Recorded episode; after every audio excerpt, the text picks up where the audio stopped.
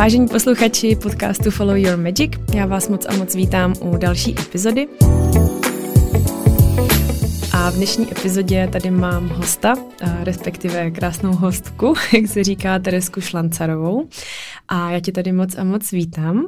Ahoj, Kristý. Já mám velikou radost, že jsme se tady dneska sešli, protože dnešní epizodu a tebe, Teresku, která si sem přišla, považuji za jednu z nejodvážnějších epizod, které pravděpodobně budou nahraný. Takže z toho mám radost, zároveň i já jsem trošku nervózní, ale moc se na to těším. Abych vám, posluchačům, řekla, proč jsem Teresku pozvala, tak je to proto, že už jí dlouhou dobu sleduju na sociálních sítích a vždycky uh, jsem profil její, kde sdílí mm, životní styl a recepty na zdravá jídla a různé jako další věci, považovala jako obrovský zdroj inspirace. A po nějaké době se vlastně Tereska otevřela s tím, že si prochází náročnou životní zkouškou s poruchou příjmu potravy ale zároveň to nikdy nebyl profil, ve kterém bych cítila takové to, uh, takový ten tlak na to, udělat změnu nebo někoho nutit uh, zatím přemýšlet jinak. Spíš to bylo vždycky takové inspirativní a tak jako otevřená spověď toho, čím si prochází ona sama, nebo ty budu mluvit k tobě ty sama. A ty jsi mladionka a vlastně je pro mě osobně neuvěřitelně inspirující vidět, jak se k tomu všemu stavíš.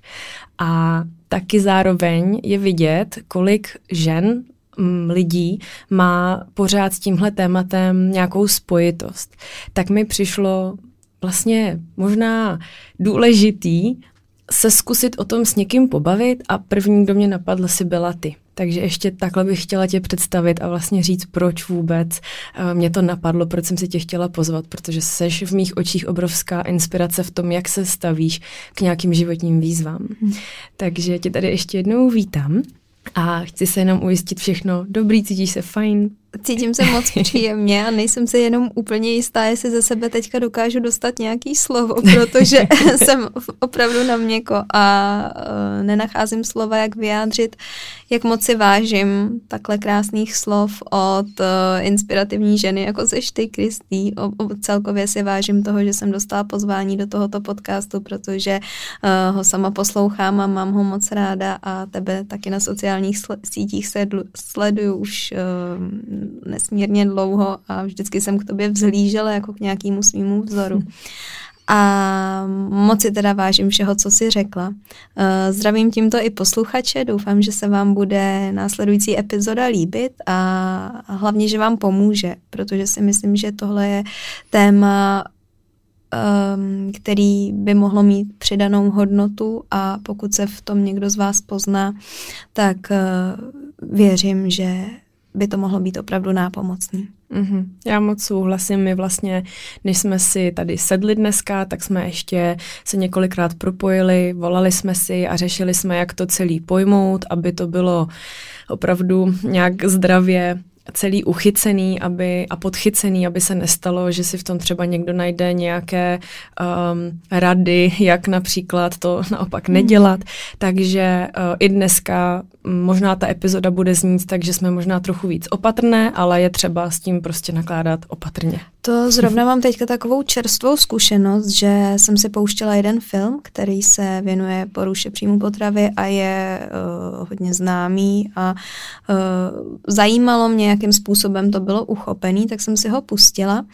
A spíš mi to přišlo jako taková příručka k tomu, jak vlastně tu poruchu příjmu potravy jako aplikovat, jo, nebo eh, dávala jsem dokonce, měla jsem z toho strašně vlastně špatný pocity, když jsem si to, ten film pustila. Zanechalo to ve mně uh, takový vnitřní, vnitřní chmury, nebo úplně to právě tak jakoby spíš podporovalo tu poruchu příjmu potravy. Jo. A dala jsem teda na Instagram eh, okýnko, kam mi mohli sledující odpovídat, eh, jaký z toho měli oni eh, pocity a 99% odpovědí bylo úplně to stejný, že se to jakoby jejich problémy naopak zhoršilo, dokonce, že to vedlo k relapsu, že začali jakoby praktikovat ty techniky, které tam byly zachycený. A proto si myslím, že je hrozně důležitý brát v potaz, že ta porucha příjmu potravy má takový rys, že je nesmírně soutěživá a hodně ráda se porovnává. A když bychom tady my dvě spolu zmínili nějaký konkrétní čísla, jako je třeba konkrétní váha, konkrétní spálený kalorie, kroky, věřím, že by se našel někdo, kdo by se s těmi údaji začal srovnávat a nabil by třeba pocitu, že ještě není jako dost, že vlastně není nemocný, že mu nic není a že teda musí na sebe být přísnější a ten režim už tak uh, dost náročný ještě uh, přitáhnout, protože je určitě důležitý zmínit, že porucha příjmu potravy zdaleka ne, se nevyznačuje jenom podváhou. Mm-hmm. Může člověk vypadat nebo mít úplně normální zdravou váhu a přesto tímto duševním onemocněním trpět. Mm-hmm. Já jsem i moc ráda, že jste teď zmínila a že jsi zmínila, že to je duševní onemocnění, mm.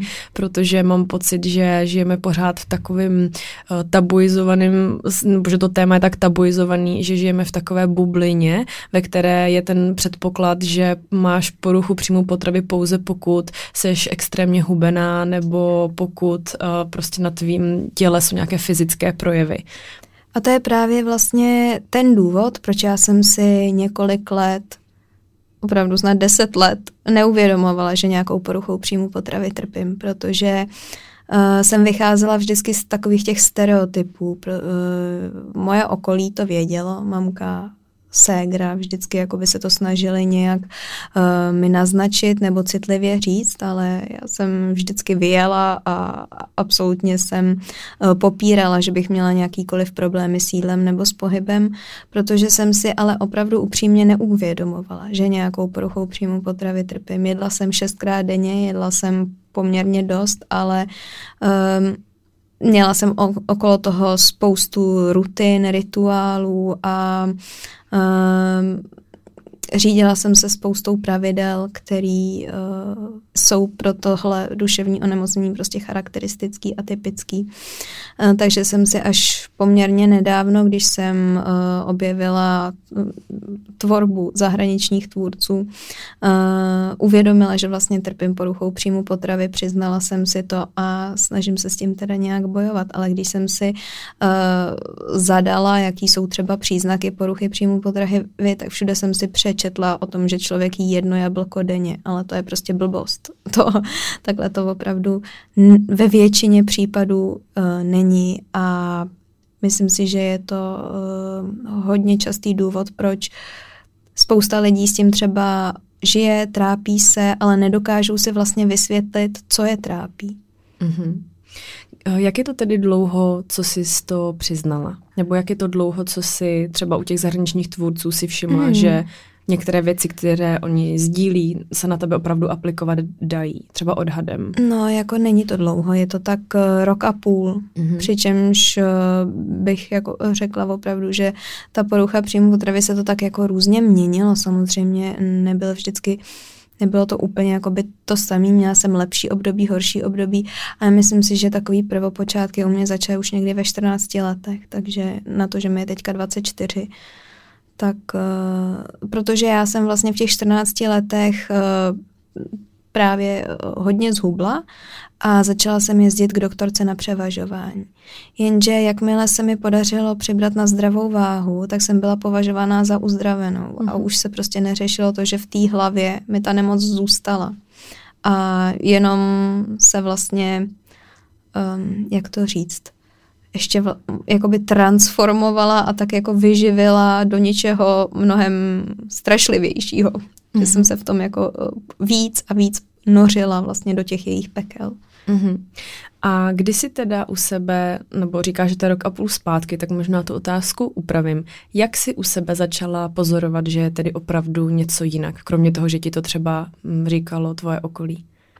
Já vlastně ani nedokážu um, říct, co to vlastně bylo. Asi to bylo prostě, že jsem se poznala, uh, protože já si myslím, že uh, člověk, který si tím neprošel, to nedokáže dost dobře pochopit, protože to je opravdu takový jakoby iracionální, kdy to třeba ani nema, nemusí mít souvislost s cílem. A uh, pro příklad, já jsem našla Tabitu Farar, která je, to je moje bohyně, úplně zbožňuju vlastně veškerý její content a příběh, protože jsem se v něm do puntíku poznala. A myslím si, že právě když takhle uh, se poznáte v, v něčem příběhu a víte, že ten člověk zažíval to samý a že se z toho dokázal dostat, tak je to ohromně motivující. A co mi tam přišlo například fascinující, že já jsem vždycky byla a stále jsem extrémně šetřivá, že hrozně nerada utrácím a především za sebe nerada utrácím, jakoby opravdu hodně, hodně spořím, až tak jako nezdravě. A myslela jsem si, že je to součást eh, mý povahy, ale došla jsem, nebo díky tady tomu těm materiálům, které jsem našla, tak eh, je to prostě taky charakteristický uh, rys pro poruchu příjmu potravy, že uh, lidé za sebe prostě za sebe, případně obecně neradi utrácí, ale potřebují jakoby to hromadit a spořit. Mm-hmm. Takže ta porucha příjmu potravy zasahuje do mnohem širšího no, spektra no, no, do všech osobnosti. oblastí, mhm. vlastně do všech oblastí toho života. Jako samozřejmě ovlivňuje vztahy, což je taky obrovitánský téma, protože ta výživa, to jídlo je prostě ta základní lidská potřeba a když není uspokojená, tak nemůžou se uspokojovat, nemůžou eh, fungovat mm-hmm. ty zbylé potřeby. Mm-hmm. Dokázala bys tady říct, um, jakými nebo jakou konkrétní poruchou potř- potravy uh, si procházíš? No, to je právě ono, že já ani se vlastně nechci nějak škatulkovat, hmm. nebo um, vím, že existují určitý kritéria pro poruchu příjmu potravy nebo pro ty typy. Nikdy jsem neměla zkušenost s bulími nebo se záchvatovitým přejídáním, ale když si představíte typickou anorexii, kdy člověk má jíst to jedno jablko denně a nemá rád jídlo a takhle, jak se říká, tak tím určitě netrpím, protože já naopak jídlo mám moc ráda, což vlastně možná je právě ten důvod, proč jsem, uh, proč k tomu mám takový jako odlišný vztah, než, uh-huh. než prostě běžný člověk, který k tomuto duševnímu onemocnění třeba nějaký ty genetický predispozice nemá. No. Uh-huh. Ty na svém Instagramu často sdílíš moc krásné recepty a nějaké mm. typy na své oblíbené uh, jídlo nebo nějaké kombinace a, a vlastně i máš v svojí teď, uh, zna, nebo to není vlastně značka, ale máš tam nějakou svoji uh, edici svých ořechových másel, mm. takže uh, spolupracuješ i s uh, známými značkami, co se týče jídla, takže je vidět, že to skutečně není žádné jako pokrytectví, že opravdu mm. Jídlo jíš. Mm. Teď ale a taky se snažím ptát se opatrně samozřejmě, ale říkám si, nestává se ti, že právě někdo od té doby, co ty si s tím vlastně šla ven mm. a otevřeně přiznáváš, že si tu poruchu příjmu potravy snažíš teď uzdravit a seš na té cestě. Nestává se ti, že třeba někdo tě za toho pokrytce považuje nebo že um, jíš ti tu cestu ještě stěžuje nějakými jako nevhodnými poznámkami nebo se spíš tak, setkáváš uh, s podporou? Určitě, určitě se najdou uh, lidi, kteří uh, jsou nepřející nebo nesouzní vlastně uh, s mojí osobou a vždycky se najde někdo, kdo vás bude kritizovat, hodnotit nebo většinou si myslím pomlouvat za zády. Takže uh, samozřejmě jsem, jsem se i s takhle negativní zpětnou vazbou setkala. Na druhou stranu uh, slovy nedokážu vyjádřit, jak moc si vážím komunity, kterou teď na Instagramu mám, protože tam mám spoustu lidí, kteří si tou poruchou příjmu potravy prochází a zasílají mi třeba svoje vítězství nebo to, co se jim nedaří zrovna teďka a navzájem se motivujeme. A tohle je něco, co já úplně, to mě naplňuje úplně ze všeho nejvíc, když prostě cítíte takovou tu, já nevím, jak to správně pojmenovat, ale vždycky cítím takovou tu společnou sílu, když jste jakoby vy vlastně proti tomu nepříteli, proti uh, té zákerné nemoci a společně to prostě se překonáváte. I jsem tam měla adventní výzvu, kde se zapojila spousta lidí, každý den jsme tam měli nějaký úkoly a jak sama vím, jak strašně moc je to těžký, protože když já si dám, uh, jako třeba překonám nějaký fear food, nebo dám si uh, jako třeba nějaký koláček, z kterého mám strach, tak eh, doma to prostě nikdo nepochopí, protože oni si to po obědě dají uh, úplně ne, bez přemýšlení a za pět minut na to zapomenou. Ale když někdo ví, čím si procházíte, jaký okolo toho máte pocity, myšlenky, že to je třeba máte takový strach, jako kdybyste měli vyskočit z letadla bez padáku. A prostě musíte skočit, protože nikdo jiný to za vás neudělá. A jedině ten člověk, který si tím prochází a který s tím bojuje, ví, kolik sil to vlastně, kolik odvahy to vyžaduje. A teď jsem chtěla ještě nějakou myšlenku k tomu doříct a úplně mi to vypadlo. Tak eh, já když tak třeba tě znovu eh, k tomu vrátím. Mm. Mě totiž teď ještě k tomu napadla jedna taková podotázka a to je, jestli v té době, když ti bylo těch 14 let, jestli jsi byla ve fázi, jako je většina pubertálních slečen, že si chtěla zhubnout, což se stává jako v drtivé většině. Ptám se na to proto, že ty si vlastně zmínila, kolik to stojí sil a odhodlání udělat nějaký ten krok, mm. kterýho se bojíš. A já nevím, jestli by se to třeba dalo aspoň mm, pro ty posluchače a posluchačky teď připodobnit k tomu, jako když se naopak někdo třeba snaží zhubnout a teď kolik sil ho stojí, si ten koláček třeba zase nedat, když po něm touží. Mm. Víš, jakože ty si říkala, si ta zkušenost je nepřenositelná. Nedokážu Jenom... úplně říct, jo, protože pro mě je ještě určitě v mém případě důležitý zmínit, že já nejsem ten typ, který by měl problém s tělem, že bych se podívala do zrcadla a viděla se tlusta. Mm-hmm. Mně se prostě třeba nelíbilo, jak jsem hubená a nechtěla jsem takhle být, ale nedokázala jsem si propojit v mozku, že proto musím něco udělat, jakoby tu cestu. A uh, vlastně ten váš mozek je v té poruše příjmu potravy prostě není úplně vaším parťákem a vy musíte dělat 24 hodin denně, 7 dní v týdnu, přesný opak toho, než vám radí.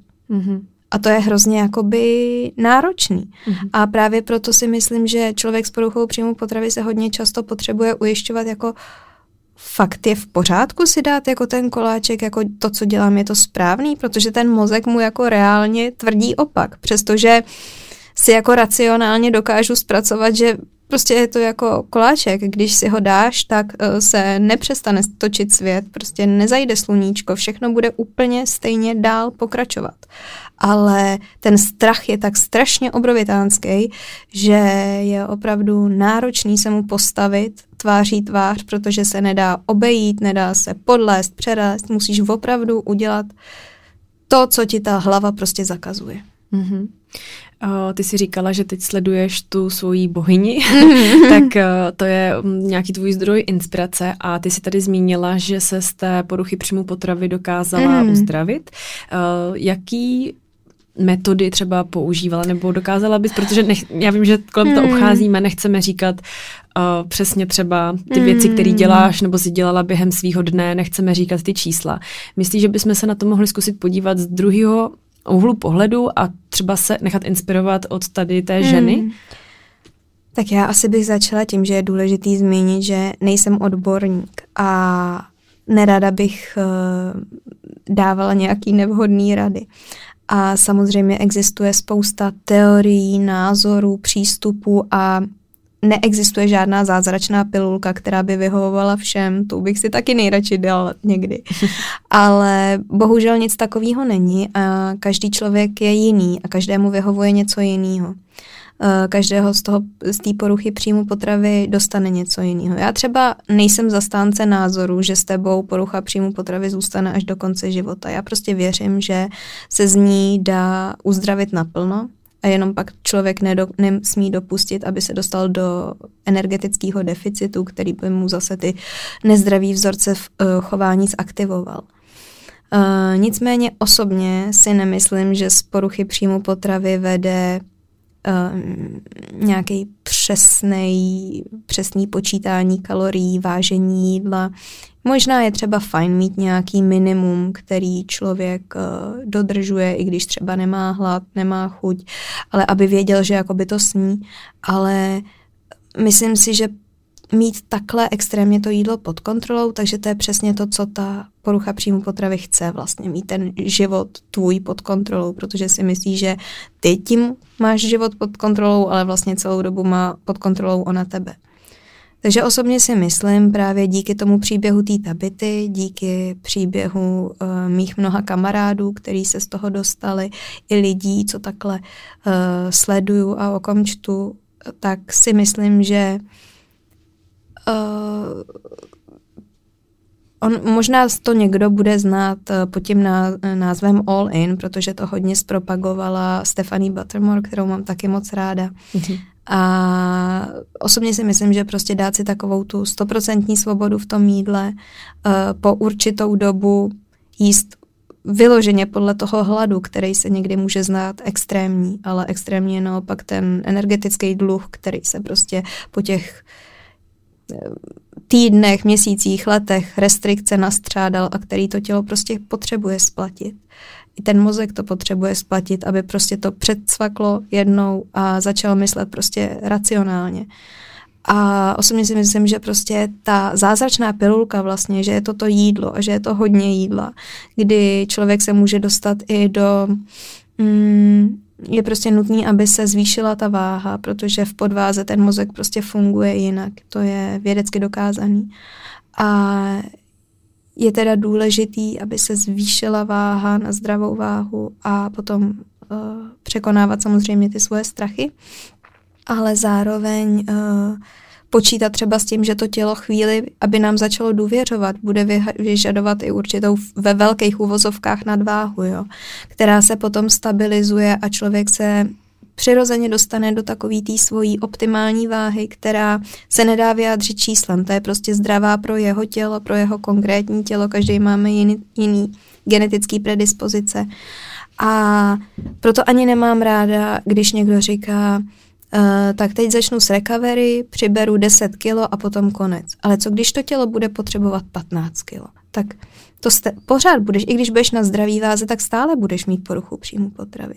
Mně se moc líbí, uh, já se omlouvám, že jsem se tak rozkecala, ne, možná bych tě měla pustit ke ne, slovu, ne, ne, ale uh, mně se moc líbí uh, minnesotský experiment, uh, já ho řeknu jenom tak ve stručnosti, ale ten se udal uh, vlastně po druhé světové válce, doufám, že to řeknu správně teda, ale byl po druhé světové válce, kdy chtěli zjistit, jaký jsou důsledky hladovění na člověka a vybrali muže, muže, kteří byli uh, fyzicky i psychicky naprosto zdraví.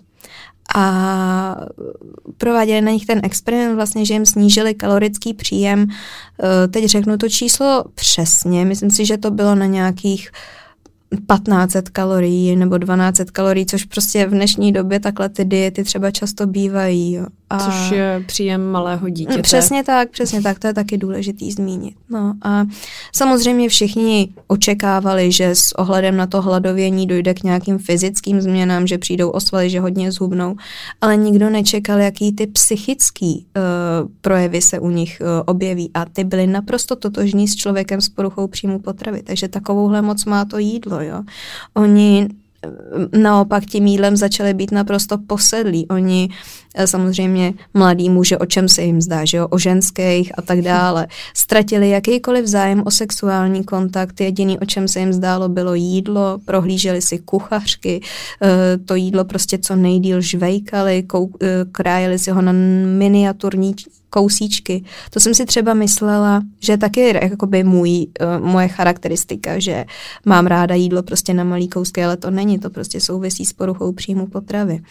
A uh, vlastně, když ten experiment skončil, tak ty chlapy byli schopni sníst třeba i 10 tisíc kalorií denně, prostě opravdu jedli extrémní, extrémní množství jídla a ten mozek a to tělo se jim ale vyživilo, přibrali samozřejmě rychle, hodně, ale na, postupem týdnů se jim prostě začaly potřebovat toho jídla mnohem míň a ta váha se jim přirozeně stabilizovala prostě na jejich uh, optimální hodnotu, kde to jídlo není středobodem života, ale přirozenou součástí.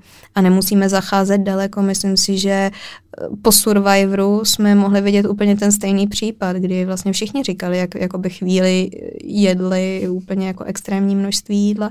A to si myslím, že je právě ta cesta z té poruchy příjmu potravy si tímhle procesem projít. No. Mm-hmm. Dokážu si tedy ale představit, že na té cestě tě budou chtít zastavit ty strachy. No, to, co jsi tady popisovala. Tak. tak jak ty konkrétně s tím pracuješ? Když ten strach přijde, když vlastně ty víš, že to řešení je projít si touhle fází, nechat to tělo, ať si prostě řekne, co potřebuje, respektovat ty návaly hladu, jednou se to zastaví, ale jak ty konkrétně? No mě právě pomáhá uh, když si pouštím třeba ty videa nebo ty podcasty o tom, eh, kde to, ti lidi sdílejí tu svoji osobní zkušenost. Mě vždycky nejvíc pomáhá ta osobní zkušenost. Vlastně i proto jsem se tomu začala věnovat na tom Instagramu, protože si myslím, že to, že jakoby to vědomí toho, že tohle je správný a je to ta cesta ven z toho pekla, protože člověk, kterým si tě, který si těmhle pekly neprošel, to opravdu nedokáže dostatečně dobře pochopit. Nebo je to můj názor, samozřejmě nemusí s ním souznit každý, ale právě to je ten důvod, proč mě tak pomáhá vlastně ta osobní zkušenost. Samozřejmě uh, jedna moje oblíbená youtuberka, eh, když jsem koukala na jedno její video, tak řekla stop consuming recovery content and start consuming food, což si myslím, že je taky důležitá poučka, která je potřeba mít na zřeteli. Ale prostě mám to ráda a mě osobně uh, to pomáhá a zároveň mě to nesmírně zajímá. Mm-hmm. A když tě takhle poslouchám, tak si říkám, uh, jak taková porucha příjmu potravy vlastně vznikne, nebo jak se u toho človíčka projeví. Protože já, když teď budu mluvit z nějaké své zkušenosti z let puberty, tak vím, že jsem kolem sebe měla několik uh, jedinců, kteří skutečně poruchu příjmu potravy měli, ale taky tam bylo spoustu spolužaček, které jako kdyby si snad jí jako přáli mít, když to mm. řeknu jako fakt úplně polopatě. A tenkrát hodně frčely takové ty anablogy a tam byly hmm. všechny ty návody přesně.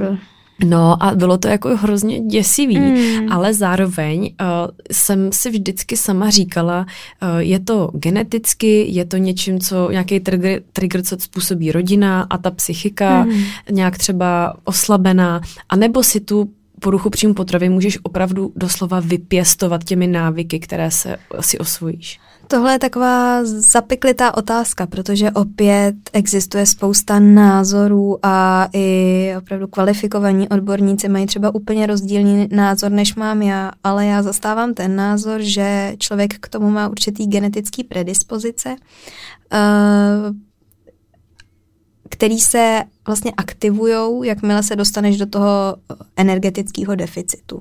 Takže tak si třeba vysvětluju, uh, proč uh, pro, proč já jakoby uh, nechci určitě vypadat jako modelka z časopisu, nikdy jsem potom netoužila a přesto jsem mi prostě ty vzorce toho chování a ta, ty úzkosti a strachy okolo jídla začaly objevovat. A myslím si teda, že s tímhle vědomím, uh, s tím vědomím toho, že ta uh, porucha příjmu potravy vzniká genetickou predispozicí, takže si jim můžeš, jako, jakmile se uzdravíš teda a projdeš si tady tím procesem, který jsem zmiňovala, takže máš do konce života to vědomí toho, že, že tam hrozí to nebezpečí toho, že do toho zase spadneš, ale jenom pokud uh, budeš omezovat jakýmkoliv způsobem jídlo.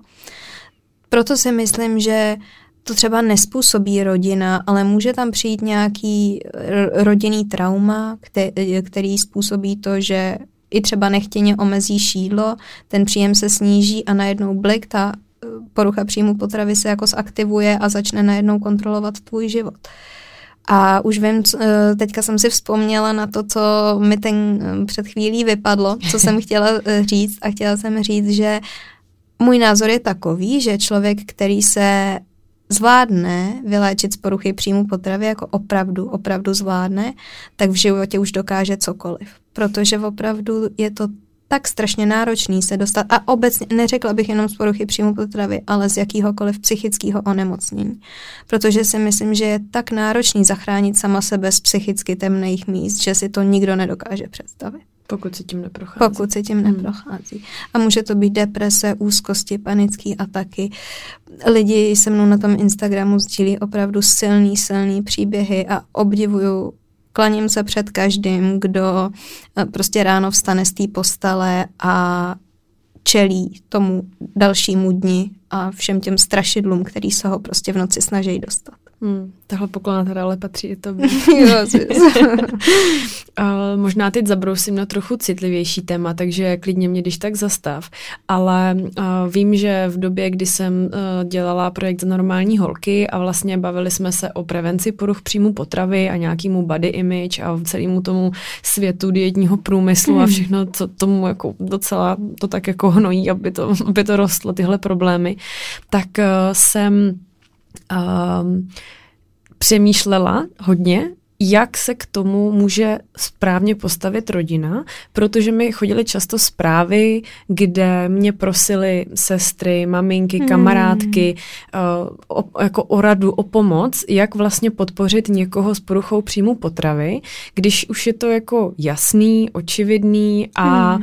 uh, ten člověk se tomu samozřejmě brání, nechce si to přiznat. Tak jak být takovému člověku co největší oporou, aniž bych ho jako tlačil někam, kde on očividně být třeba nechce? Nechce, nebo mu to ještě to, víc no, neobližovalo? Tohle je nesmírně, nesmírně těžká hmm. otázka, hmm. protože opravdu primárně ten člověk musí chtít a uh, mě třeba pomáhá, mě, moje rodina pomáhá ohromně, i když si to asi nechápou to úplně tak správně, tak eh, se mi snaží být oporou a vždycky jsou tu pro mě. Eh, samozřejmě dochází uh, k tomu i uh, k častým hádkám a ty zážitky způsobené poruchou příjmu potravy jsou někdy i negativní, protože samozřejmě, když jsme jeli na rodinou dovolenou, tak uh, já, já říkám, že jsem si připadala jako balíček 3 plus 1, protože vždycky se muselo všechno podřizovat mě,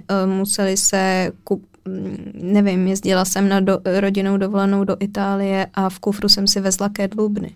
Mm-hmm. Všechno prostě a, a, a rodina, že ta, ty byly uvolněný a já jsem všechno potřebovala mít přesně na minutku hotový a vždycky tam byla ta nervozita, napětí.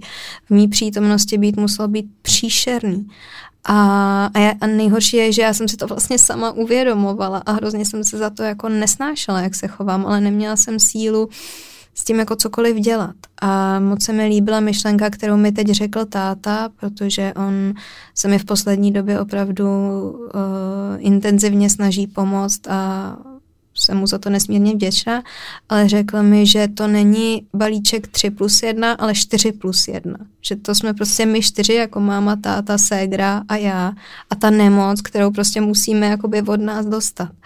Ale ta nemoc se z té rodiny dostane jenom, když ten člověk, který ní trpí, sám bude chtít. Velkou uh, nevýhodou téhle nemoci a častým rysem je to, že uh, ona si vždycky najde cestu, jak řádit. I když se ten člověk zavře do nemocnice, tak on tam prostě bude cvičit ve skříni.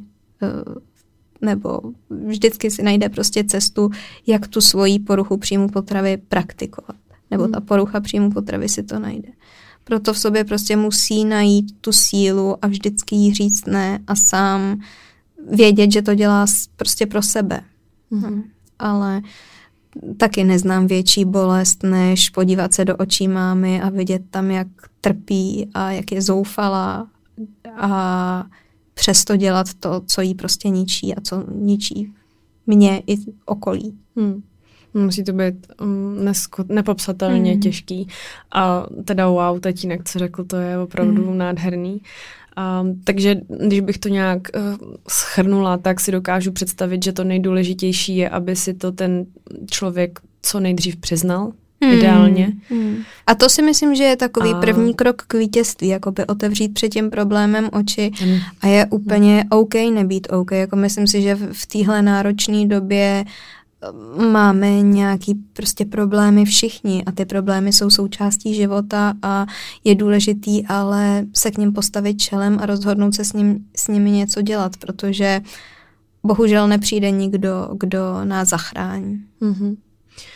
Jo, takže kdybych teď chtěla někomu takhle odpovědět na ty otázky, co mi chodily, tak za prvé nejdůležitější je, aby si to ten člověk co nejdřív přiznal sám, bez toho se moc nikam nehneme a když už si to ten člověk přizná, tak podpora té rodiny. Mně osobně, asi každému zase něco jiného, ale mě osobně pomáhá laskavost mm-hmm. a ne mhm. to, když se ode mě lidi odvrátějí, mm-hmm. protože jsem měla spoustu přátel, který jsem kvůli tomu ztratila a odvrátili se ode mě a já jsem si řekla, no podívej se, skončíš prostě sama, seš tak příšerná, prostě nikomu na tobě nezáleží a akorát jsem jakoby se ponořila víc do těch svých rutin, abych si ještě teda naložila a potrestala se za to, jak jsem prostě příšerná.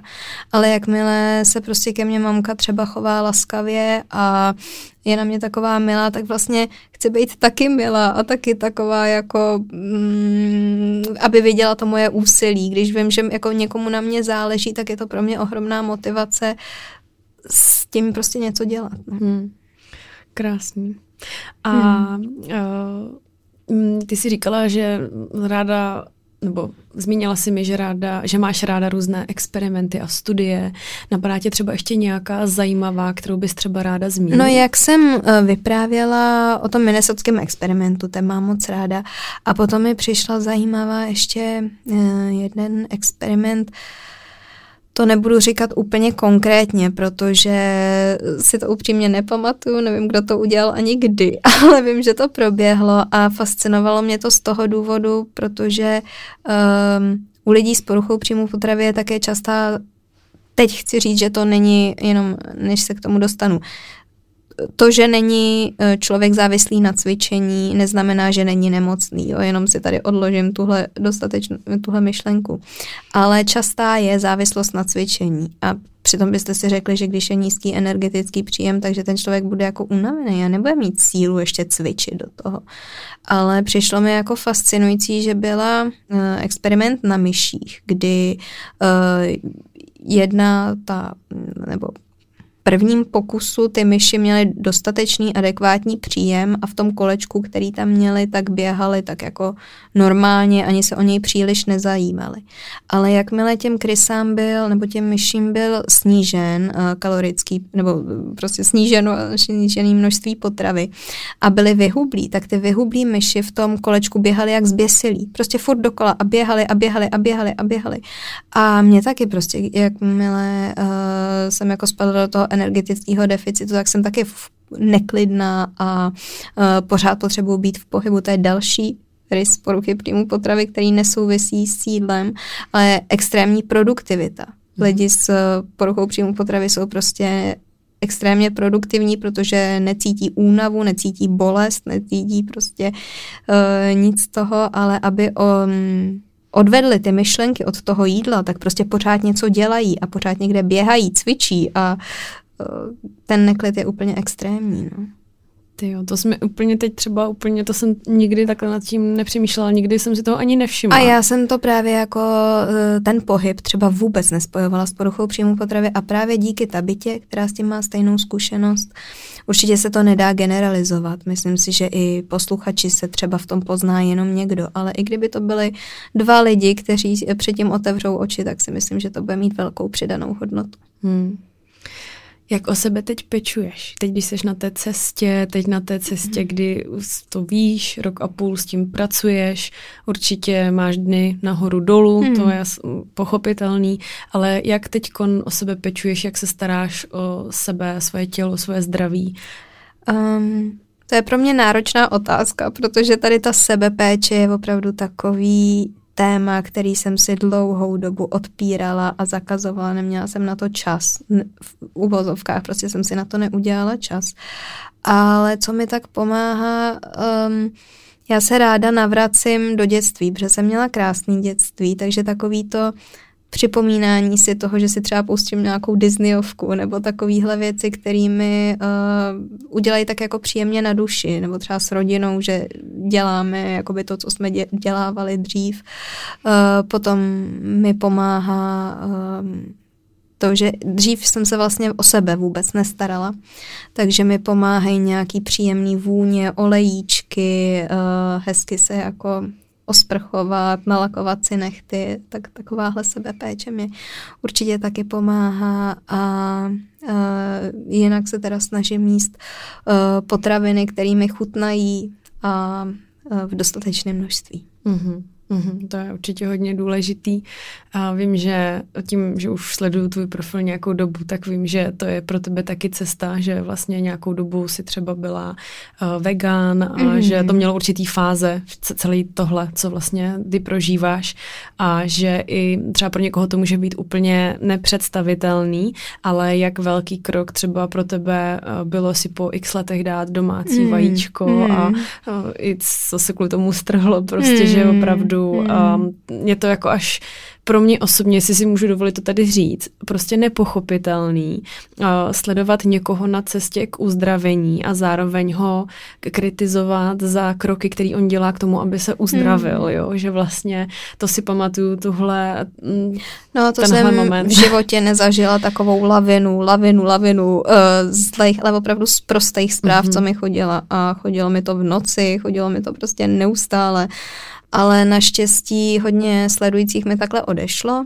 a mm. myslím si, že se to tak jakoby pročistilo, že mi tam opravdu zůstala ta krásná komunita, za kterou jsem ohromně vděčná. Hmm, rozhodně, takže, takže jo, je to, je to opravdu neskutečný to sledovat a zároveň vidět, kolik v sobě bereš síly a, a nevím, odkud to bereš, ale vlastně i třeba vymýšlet, jak vůbec tu komunitu držet, podporovat, jak držet mm. ten prostor, jak vlastně vážím vzájemně. slov. Jo, hmm. protože je to vidět, že v tom fakt máš srdce, že, že hmm že to není jenom o tom, že o tom mluvíš, protože je to téma, který se zrovna hmm. trendy, nebo že víš, hmm. že se na to chytí lidi, ale že to prostě že víš, o čem mluvíš, hmm. že to prostě prožíváš, ale zároveň jsi opatrná a nakládáš s tím inteligentně, což je jako vzácný. Kristý, ty jsi tak zlatá, to se nesmírně vážím, takhle milý Ne, slov. opravdu, opravdu jo. Takže um, než se tě pak zeptám ještě na poslední otázku, mm. tak uh, teď pro posluchače, posluchačky, kteří by měli zájem tě někde vyhledat,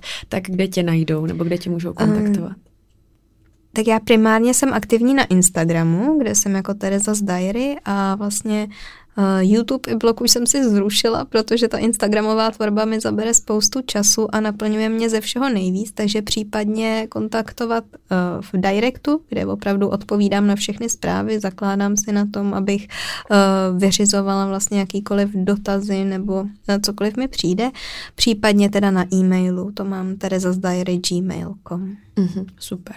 Já tyhle kontakty na tebe ještě dám do popisku a odkazy všechno přidám. Já si myslím, že případně tam můžu i doporučit nějaký ty moje oblíbený youtubery nebo mm-hmm. knížky, protože to jsou lidi, kteří mají já nevím, na YouTube třeba 500 odběratelů, jo, to jsou opravdu maličkatý, ale tím, že si jakoby tím sami prošli, tak z toho nedělají nějakou senzaci jenom za účelem views, ale opravdu je to v tom ta pomoc, takže mm-hmm.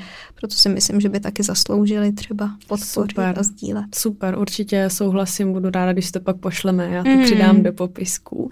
Já vždycky na konci každého podcastu se ptám ještě takovou jednu otázku, ale mm. ještě než eh, tím uzavřeme mm. ten dnešní epizod, epizodu, tak se chci zeptat, jestli bys ještě něco chtěla doplnit, jestli jsme na něco nezapomněli, je tam něco, nějaký poselství, který ti přijde teď důležitý, uh, jenom aby jsme to tak prostě hezky opečovali, než se rozloučíme. Jedno poselství mě napadá, protože si myslím, že to uh, vystihuje úplně všechno a to je, že i ten nejhorší den v recovery je stále lepší než nejlepší den s poruchou příjmu potravy. Hmm. Wow, mm. moc hezké, děkuji. A tak já bych to tedy ráda uzavřela poslední otázkou, a protože jsem pojmenovala podcast Follow Your Magic, tak bych se tě chtěla zeptat, kdy naposledy si zažila něco opravdu magického. Asi bych řekla, uh, já, mě hrozně fascinuje, vždycky mě jako první napadne, já hodně brzo vstávám a miluju východy slunce nebo západy slunce. A uh, teď jsme byli s rodinou na procházce a byl opravdu nádherný uh, západ slunce, úplně to nebe bylo, uh,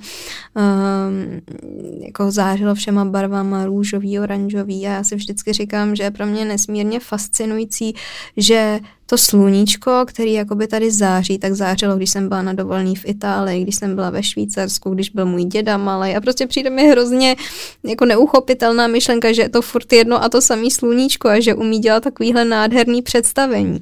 A v tu chvíli, kdy jsme byli s tou rodinou a bylo takhle nádherný to nebe, tak jsem fakt nahlas řekla, when you stop and look around, this life is pretty amazing. Hmm. A myslím si, že tím bychom i mohli zakončit tuhle epizodu, protože uh, ten život je opravdu příliš krátký, abychom ho strávili nějakým válčením sami se sebou a nabízí neuvěřitelný nádhery, když otevřeme oči a rozhlídneme se okolo sebe. Nemám slov. Já děkuji moc krát za tvůj čas. Taky moc děkuji. A jdu tě obejmout. Mějte si krásně, děkujeme za poslech a mějte se. Ahoj.